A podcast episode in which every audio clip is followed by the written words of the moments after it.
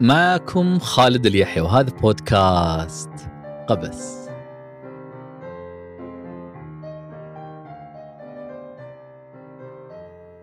أعلم أعلم إنه الصيف بداية القيض ولا تريدون شيئا يبعث على التوتر أو اكتناز المشاعر. ولأجل ذلك تأتيكم قصة اليوم. ظريفة. ليست كلها إذ لابد من قليل من الدراما لكنها تظل قصة مثيرة للعجب. من فرط إدهاشها أنني عندما سمعتها لأول مرة من نيد ديماو شعرت بالريبة.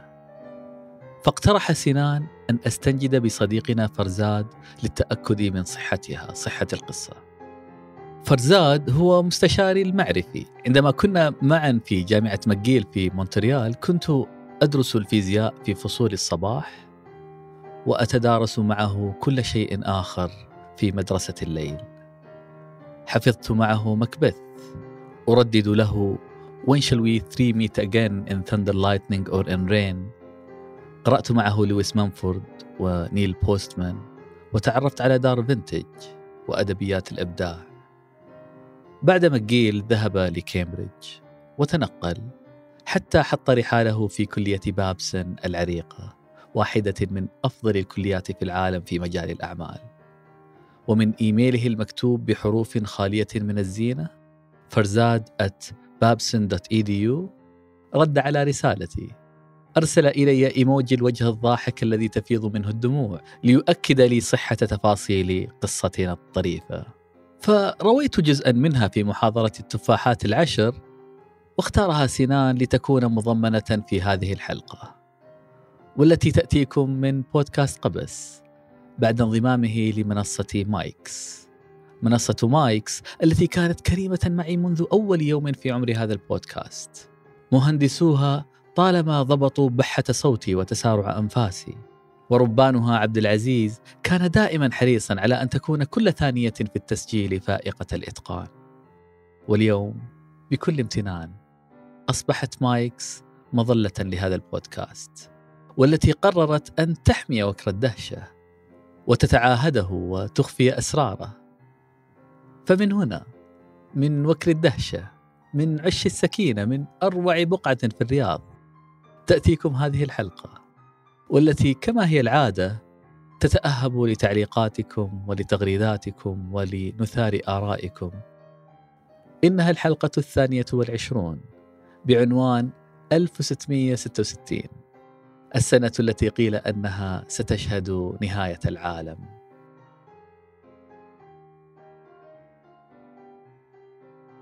لأمين معلوف رواية لطيفة بعنوان رحلة بلدسار.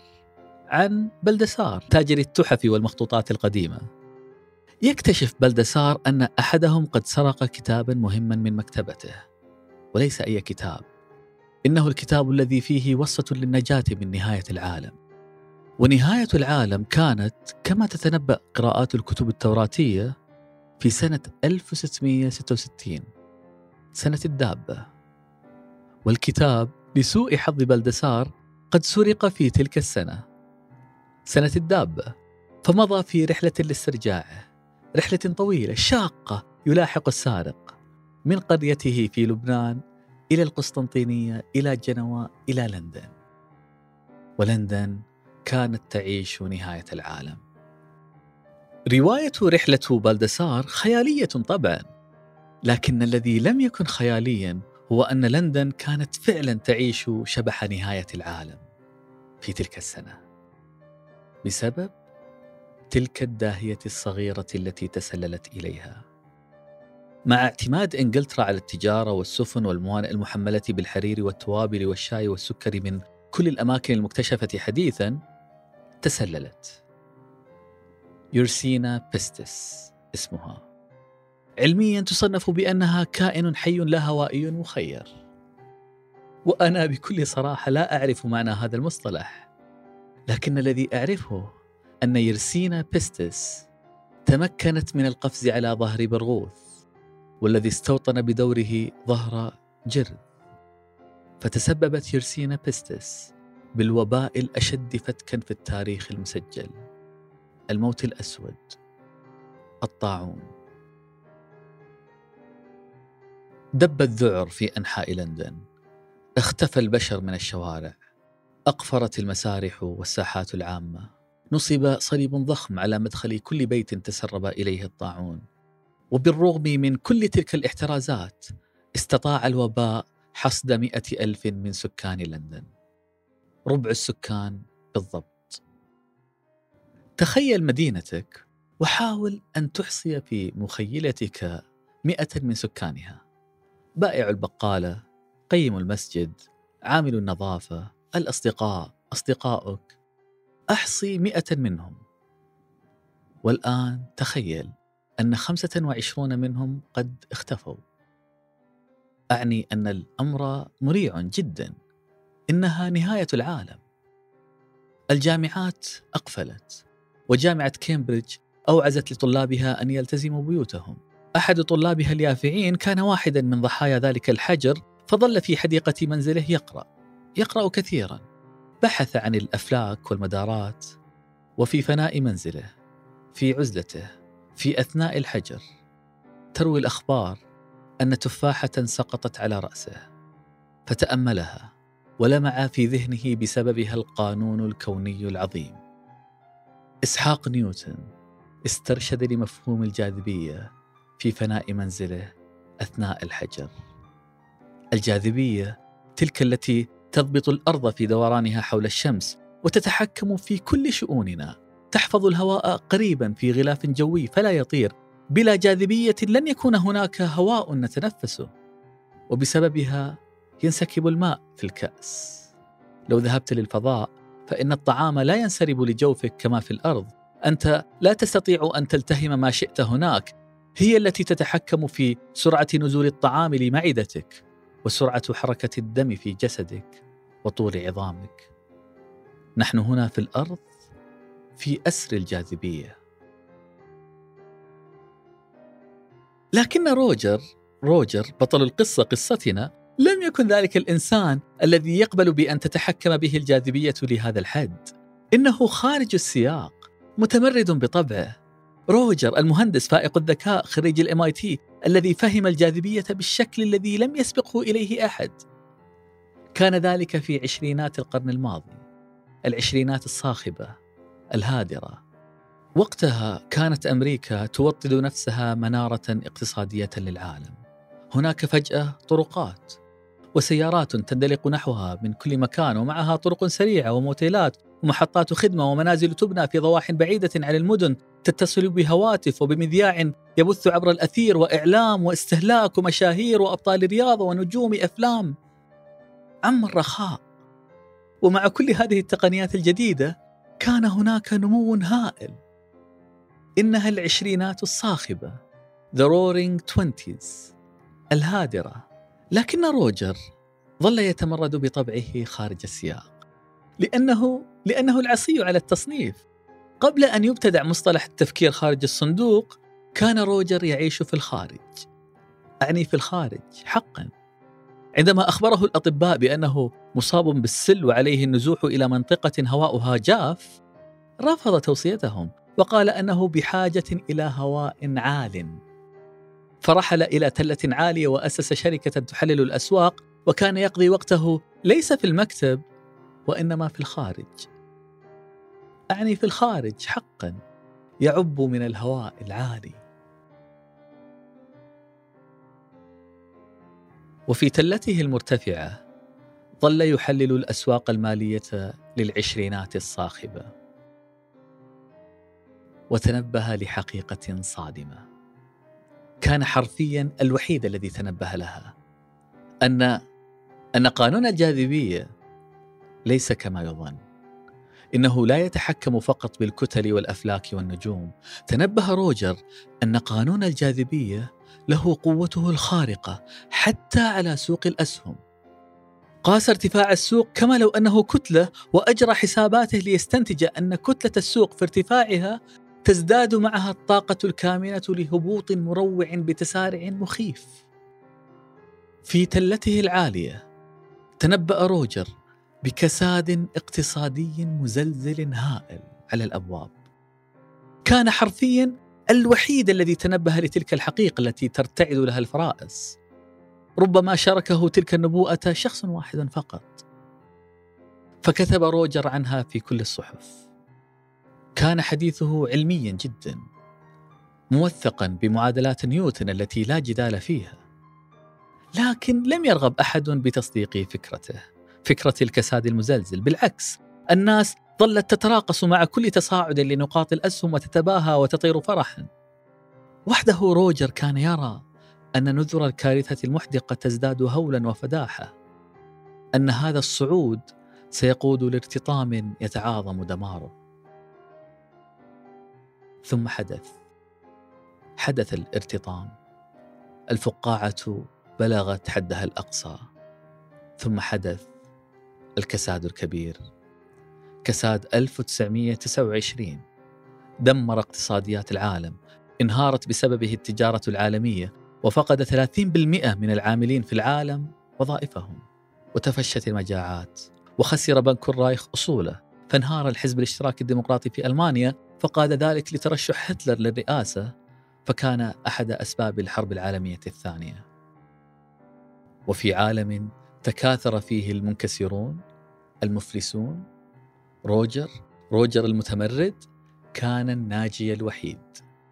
لم ينجو فقط وإنما حقق ثروة طائلة تساقط الجميع حوله للصفر وبقي هو واقفا ومثل عراف مستبصر تهافت نحوه المعسرون لينتشلهم بوصاياه ويقتطع هامش ربح منهم ضخم جدا بما يليق به وبعبقريته وببصيرته التي تكشفت لها الحجب. والأهم أن ثقته بنظريته زادت رسوخا. نيوتن كان محقا.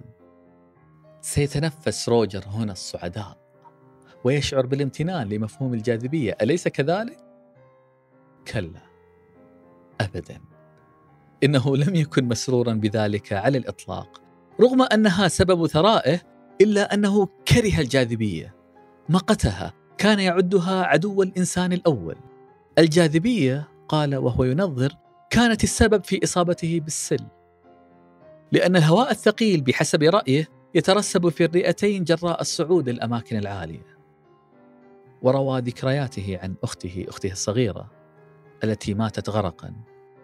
قال كنت بلا حيلة وأنا أرى ذلك الشيطان يجر أختي للقاع.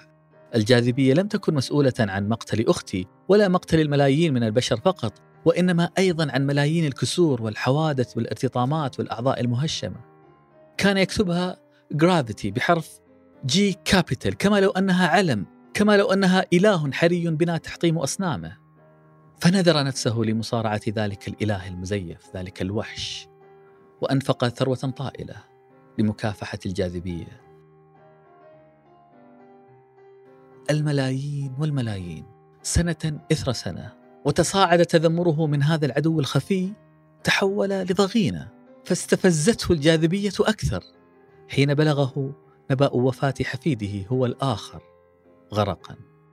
رأى أن الجاذبية تتعمد إهانته فتطورت ضغينته لحقد مستديم وأسس في نفس السنة سنة وفاة حفيده مؤسسة أبحاث الجاذبية بهدف تقديم المنح للعلماء في جهود مكافحتها. وكانت رؤيته واضحة. سيدعم المشاريع التي تقود لتصنيع أدوات تتنافر مع الجاذبية أو تمتصها أو تحرفها وأسس أيضا شركة اختراعات Incorporated التي كانت تقتنص كل براءة اختراع تحمل فرصة أن تحررنا من أسر الجاذبية في المستقبل. سيارات ستطير. أمراض ستستأصل السل أولها. ملايين البشر سننقذهم قبل أن تتكسر عظامهم. وكان مؤمنا جدا بنظريته. فروجر عندما حقق ثروته كما كلنا نعلم لم يكن متخرصا. لم يتنبأ بالكساد الكبير بسبب رغبة في الحدس أو المخاطرة أو الرهان. روجر الذي درس نيوتن جيدا كان يملك نظرية. حديثه كان علميا كان فيزياء. إنه العلم. باستثناء أنه لن يكن كذلك. نظريته كانت هراء جرعة مركزة من الوهم. حديث روجر رغم حماسه الكبير كان هراء فاخرا. حتى تطبيقات روجر الاقتصادية لنظريات نيوتن لتحليل سوق الأسهم رغم أنها نجحت إلا أن نجاحها لم يكن بسبب تحليلاته البلهاء. لكن الهراء الذي جاء به روجر كان محملا بهالة نيوتن. والجمهور كما كلنا يعلم يبهره اسم نيوتن. نيوتن كان علميا ولذلك تهافت الجمهور على كتب روجر وقايضوه أموالهم في سبيل أن يستمعوا له وهو يتحدث ويوصي وينظر. وهنا نصل إلى الموضع الذي نعلن فيه عن العبرة من هذه القصة. أن نحكي عن السقوط المروع لروجر. روجر صعد عاليا. وحان الوقت الذي يهوي فيه من قمته سريعا. هذه قوانين الفيزياء وهذه قوانين القصص أيضا. القصص لها قواعد لها مواعظها وعبرها. لا ترتفع كثيرا لا تقترب من الشمس لأنها ستحرقك. لكن روجر لا يسقط. لم يسقط بل زادت مكاسبه أكثر فأكثر. وعاش عاش طويلا حتى جاوز التسعين من عمره وكان قد أسس كليته العريقة التي سميت باسمه روجر روجر بابسن. أسس كلية بابسن للأعمال الكلية العريقة التي يعمل فيها صديقي البروفيسور فرزاد والتي أنشئت بفضل ثروة هطلت على مؤسسها بسبب نظرية معطوبة. عاش روجر بابسن مناكفا لأعتى قوة تسيطر على حياتنا. استمر على عناده متمردا وعندما مات كتبت عنه التايمز رثاء فخما. سردت منجزاته ومآثره ونباهته وقدراته الخارقة في الاستثمار وتحاشت بذكاء الاستطراد لمعركته حول الجاذبية. فهذا الأمر لا يستحسن أن يوصم به روجر بابسن ولا يليق بأن يذكر به. لكنه الأمر الذي أود منكم تذكره. أن روجر بابسن عاش بنصف العلم. بنصف الحقيقة. كان مقتنعا أن ما يؤمن به يجب أن يكون حقا لأن الحق هو ما يؤمن به. وهذا أمر يدعو للسخرية. لكنه برغم تلك السخرية لم يؤذي أحدا. لم يهدم. لم يفسد في الأرض. والكلية التي أوقف أمواله لأجلها ما زالت باقية. وبخير. تعد واحدة من أفضل الكليات في العالم في مجال الأعمال. وأدين لبروفيسورها الذي ما زال يرسل لي إيموجي الوجه الضاحك الذي تفيض منه الدموع. هذه هي العبرة. لكن سنان لم يقتنع. هو لم يقتنع بأن هناك قوانين للقصص أصلا ورفض التسليم بأن هناك موعظة في هذه القصة. طريفة نعم لكنها بلا عبرة. ورأى أن الإفراط في استحلاب المواعظ سيقود لنهاية العالم. وإمعانا في عدمية المعنى سمى سينان هذه الحلقة 1666 السنة التي ظن البشر أنها ستشهد نهاية العالم لكنها شهدت ولادة فكرة الجاذبية بدلا من ذلك.